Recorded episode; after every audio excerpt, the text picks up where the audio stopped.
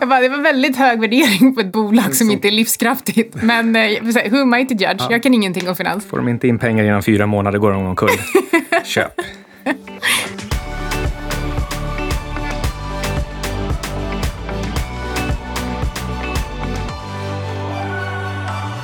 Hej! Hej, du lyssnar på Outsiders med Micke Syding och Anna Svan. Det gick snabbt. Det var nästan som att du hade kört på en hastighet gånger en och en halv. Ja, och så ska vi tacka Alex Marton också som fixar ljudet. Så det är det jag gjort. Jäklar vad bråttom jag har här tydligen. Vi, eh, vi var på bröllop i helgen. Ja, var det kul? Det var väldigt, väldigt roligt. Jag fick chansen att diskutera Cygnus med eh, allt och alla, så jag var, jag var glad. Till och med jag trivdes. Jag vill annars inte gå på bröllop, så lyssnar du så bjud aldrig mig på bröllop. Men det här var kul. ja, nej, men det, var, det var fantastiskt. Det var väldigt, väldigt roligt. Och... Eh, och vad mer då? Vi var på bröllop hos, eh, för eh, våra, våra vänner som egentligen bor i New York hade den goda smaken att gifta sig i Sverige så att man inte behövde flyga, eller på säga, men det ska jag göra om två veckor ändå. Vi gissade väl att amerikanerna har råd att ta sig till Sverige, men inte tvärtom. det skulle kunna vara så. Med tanke på dollarn så är det väl ganska fördelaktigt för dem att komma hit. ja, seken är ju ett skämt just nu och eh, Trumpen är nog gladare än någonsin kan jag gissa. Du köpte inte ny klänning till bröllopet, men vad hände sen? Jag hade visst en ny klänning till bröllopet, men däremot så köpte jag ju en... Eh, när jag letade efter klänning till bröllopet dagen innan så var jag runt på NK och så hittade jag eh, en svart klänning och så svor jag ganska länge över att man inte får bära svart på bröllop för att den här var jättefin.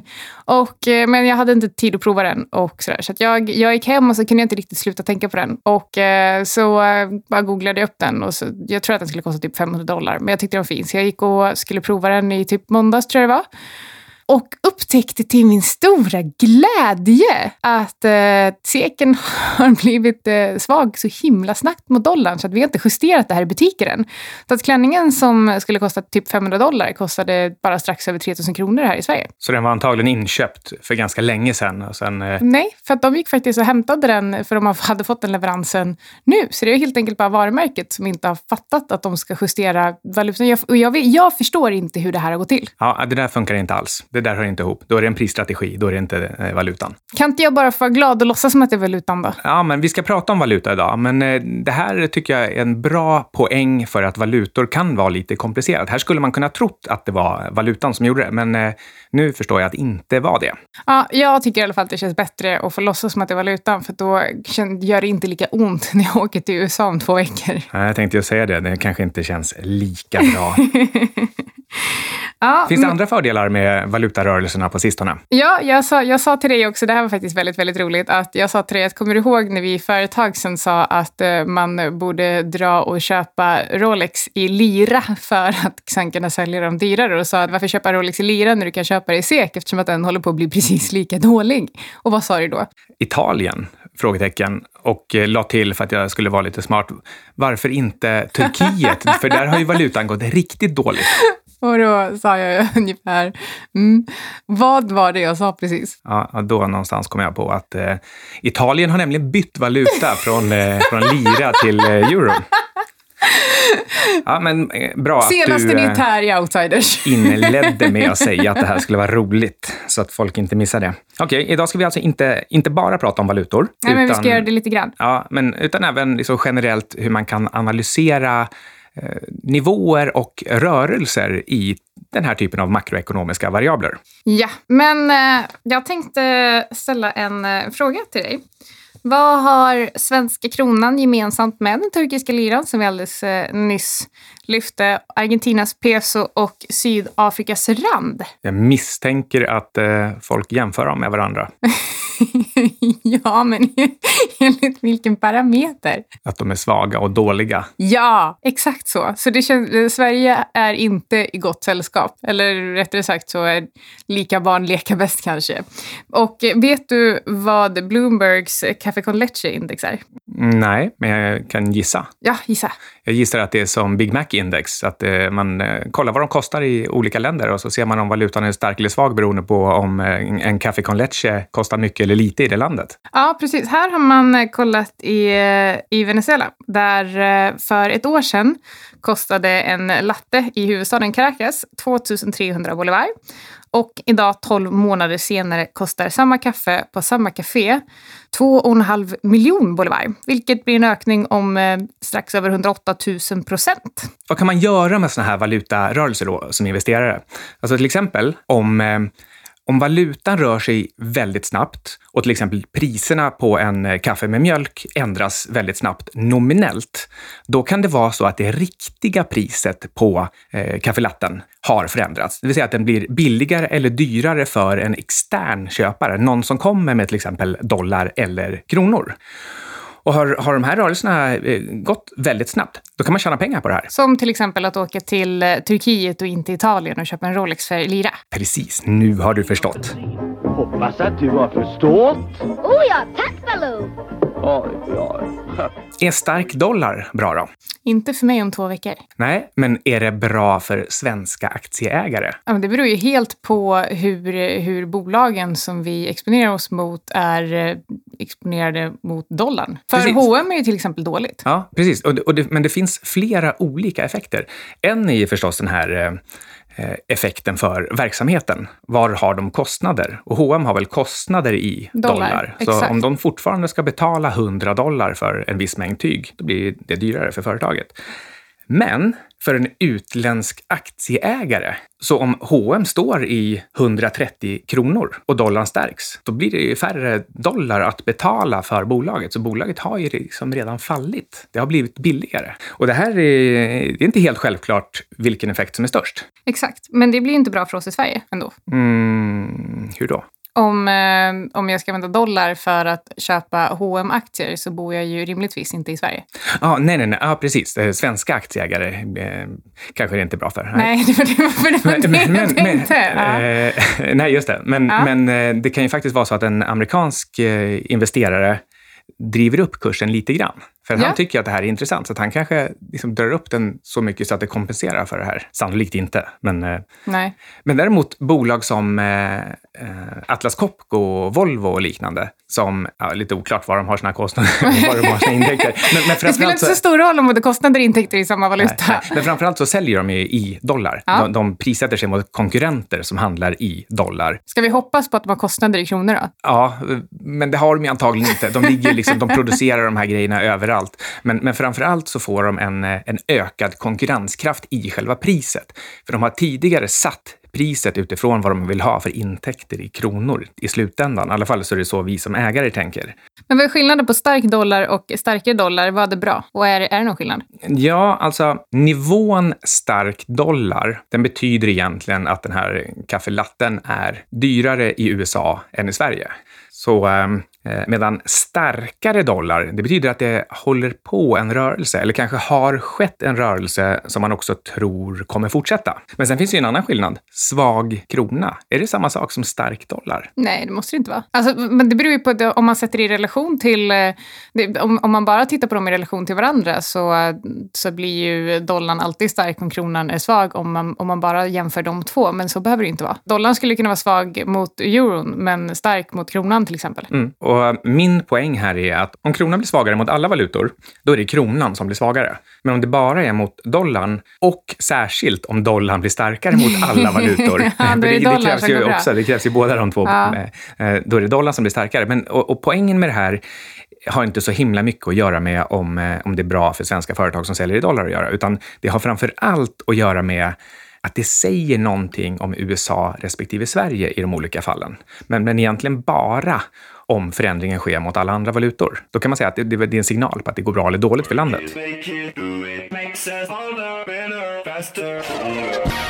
Vad signalerar det här om Sverige? Varför blir kronan svagare? Varför säljs kronor snarare än köps? Och varför vill ingen äga seken? Flyr kapitalet Sverige, Micke? Ja, det är väl, det är väl liksom slutsatsen här. Man vill inte hålla kronor här. Ja, en anledning är att eh, man inte får så bra ränta här.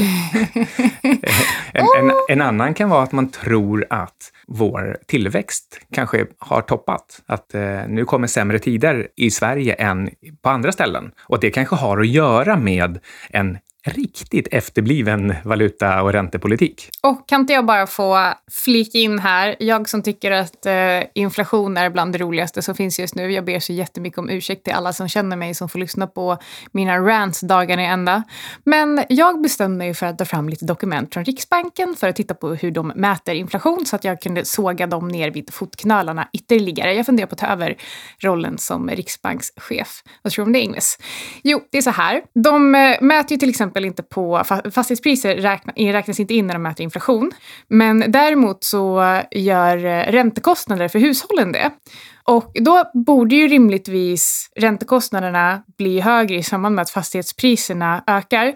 Men för att Riksbanken ändå vill så här, ljuga och låtsas som att de faktiskt håller sig till sitt inflationsmål, som också är helt efterblivet, så eh, menar de, så sänker de alltså räntan. Så att de fifflar egentligen bara med siffrorna. Så, genialiskt. Så eh, det ser ut som att, eh, det ser ut som att vi håller oss till inflationsmålet och det ser ut som att hushållen inte får högre kostnader. Samtidigt så har vi stigande fastighetspriser och färre personer har råd att köpa bostäder och, ja, vad ska man säga, kaos. Jag vill understryka att det här är alltså ingenting som Anna eller jag har hittat på som någon konspirationsteori, utan de stoltserar med det. Alltså de skriver verkligen Ja. stolt. Jag, jag, jag skrev ett blogginlägg om det här. Det var verkligen så här, det här har Riksbanken gjort och så här är smart. Och för att då, och det, var, det stod också väldigt klart och tydligt, för att vi ska kunna redovisa att vi håller oss till inflationsmålet så sänker vi räntan om räntekostnaderna per hushåll blir för höga. Och jag bara, what? Ah! Ja, och samtidigt så stiger priserna, men, men det, det drabbar ju ingen fattig. Kaos. Så ja, nej, men eh, vi kan ju knappast sänka räntan mer för att försöka stimulera ekonomin eh, när vi faktiskt ser en riktig krasch. Så jag vet inte vad som kommer hända. Jag vet inte, Ingvers kan ju alltid sänka räntan till minus 10 procent. Man vet aldrig med honom. Men, men eh, okej, Moving on då. vi, vi har en poäng här med låg ränta eller fallande ränta och till exempel stark dollar eller starkare dollar.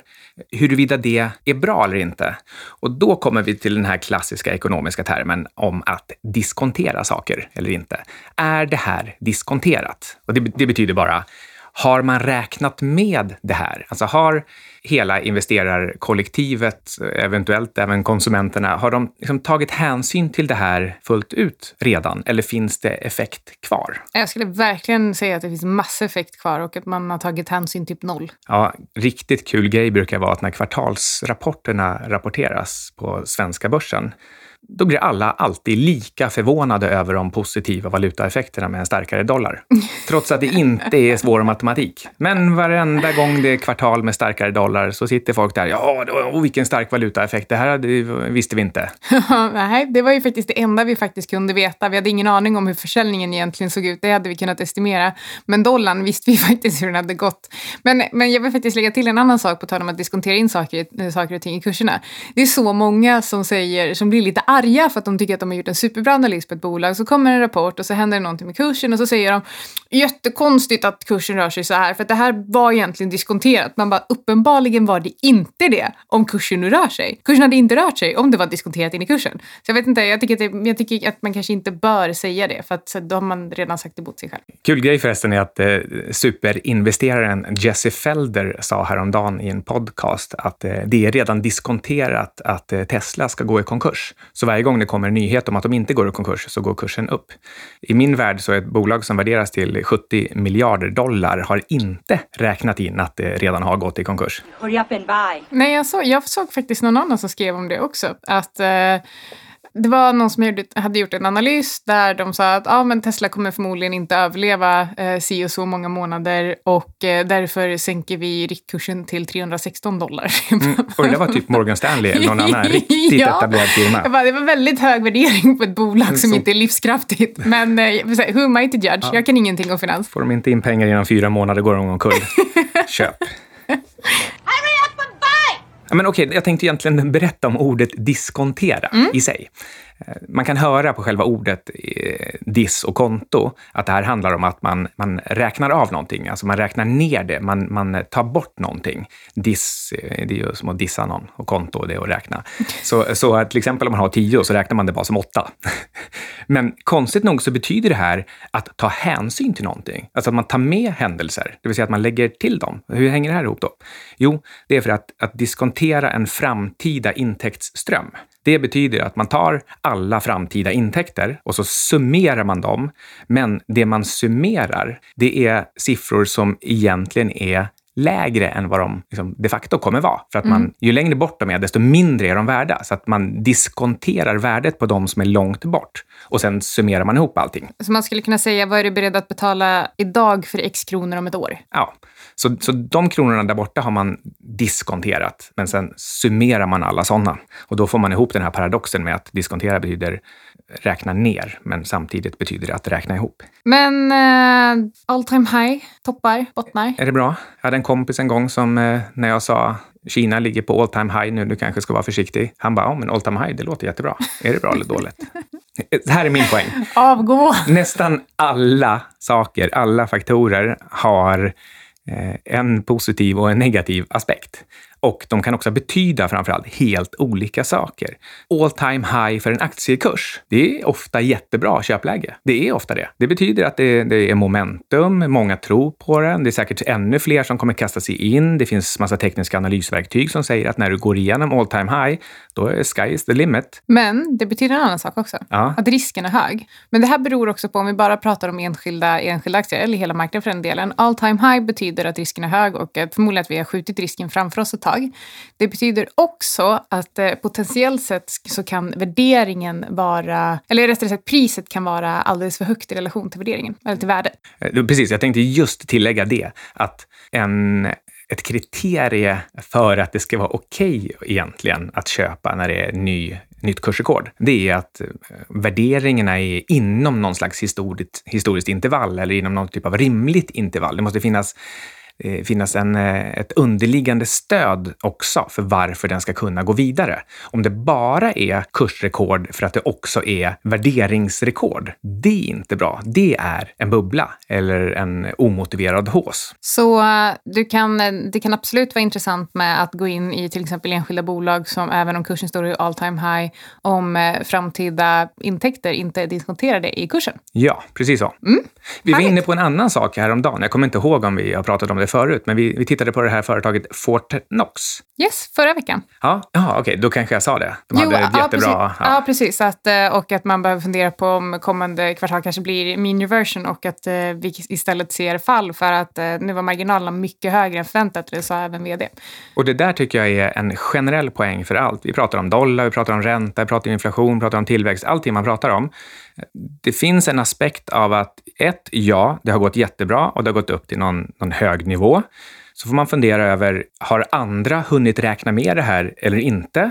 Och två, vad talar för att det ska gå vidare och vad talar snarare för att det är en mean reversion som skulle kunna vara, vara viktig i det här, just det här sammanhanget? För det är inte alltid det. Det är inte alltid samma regler. Exakt.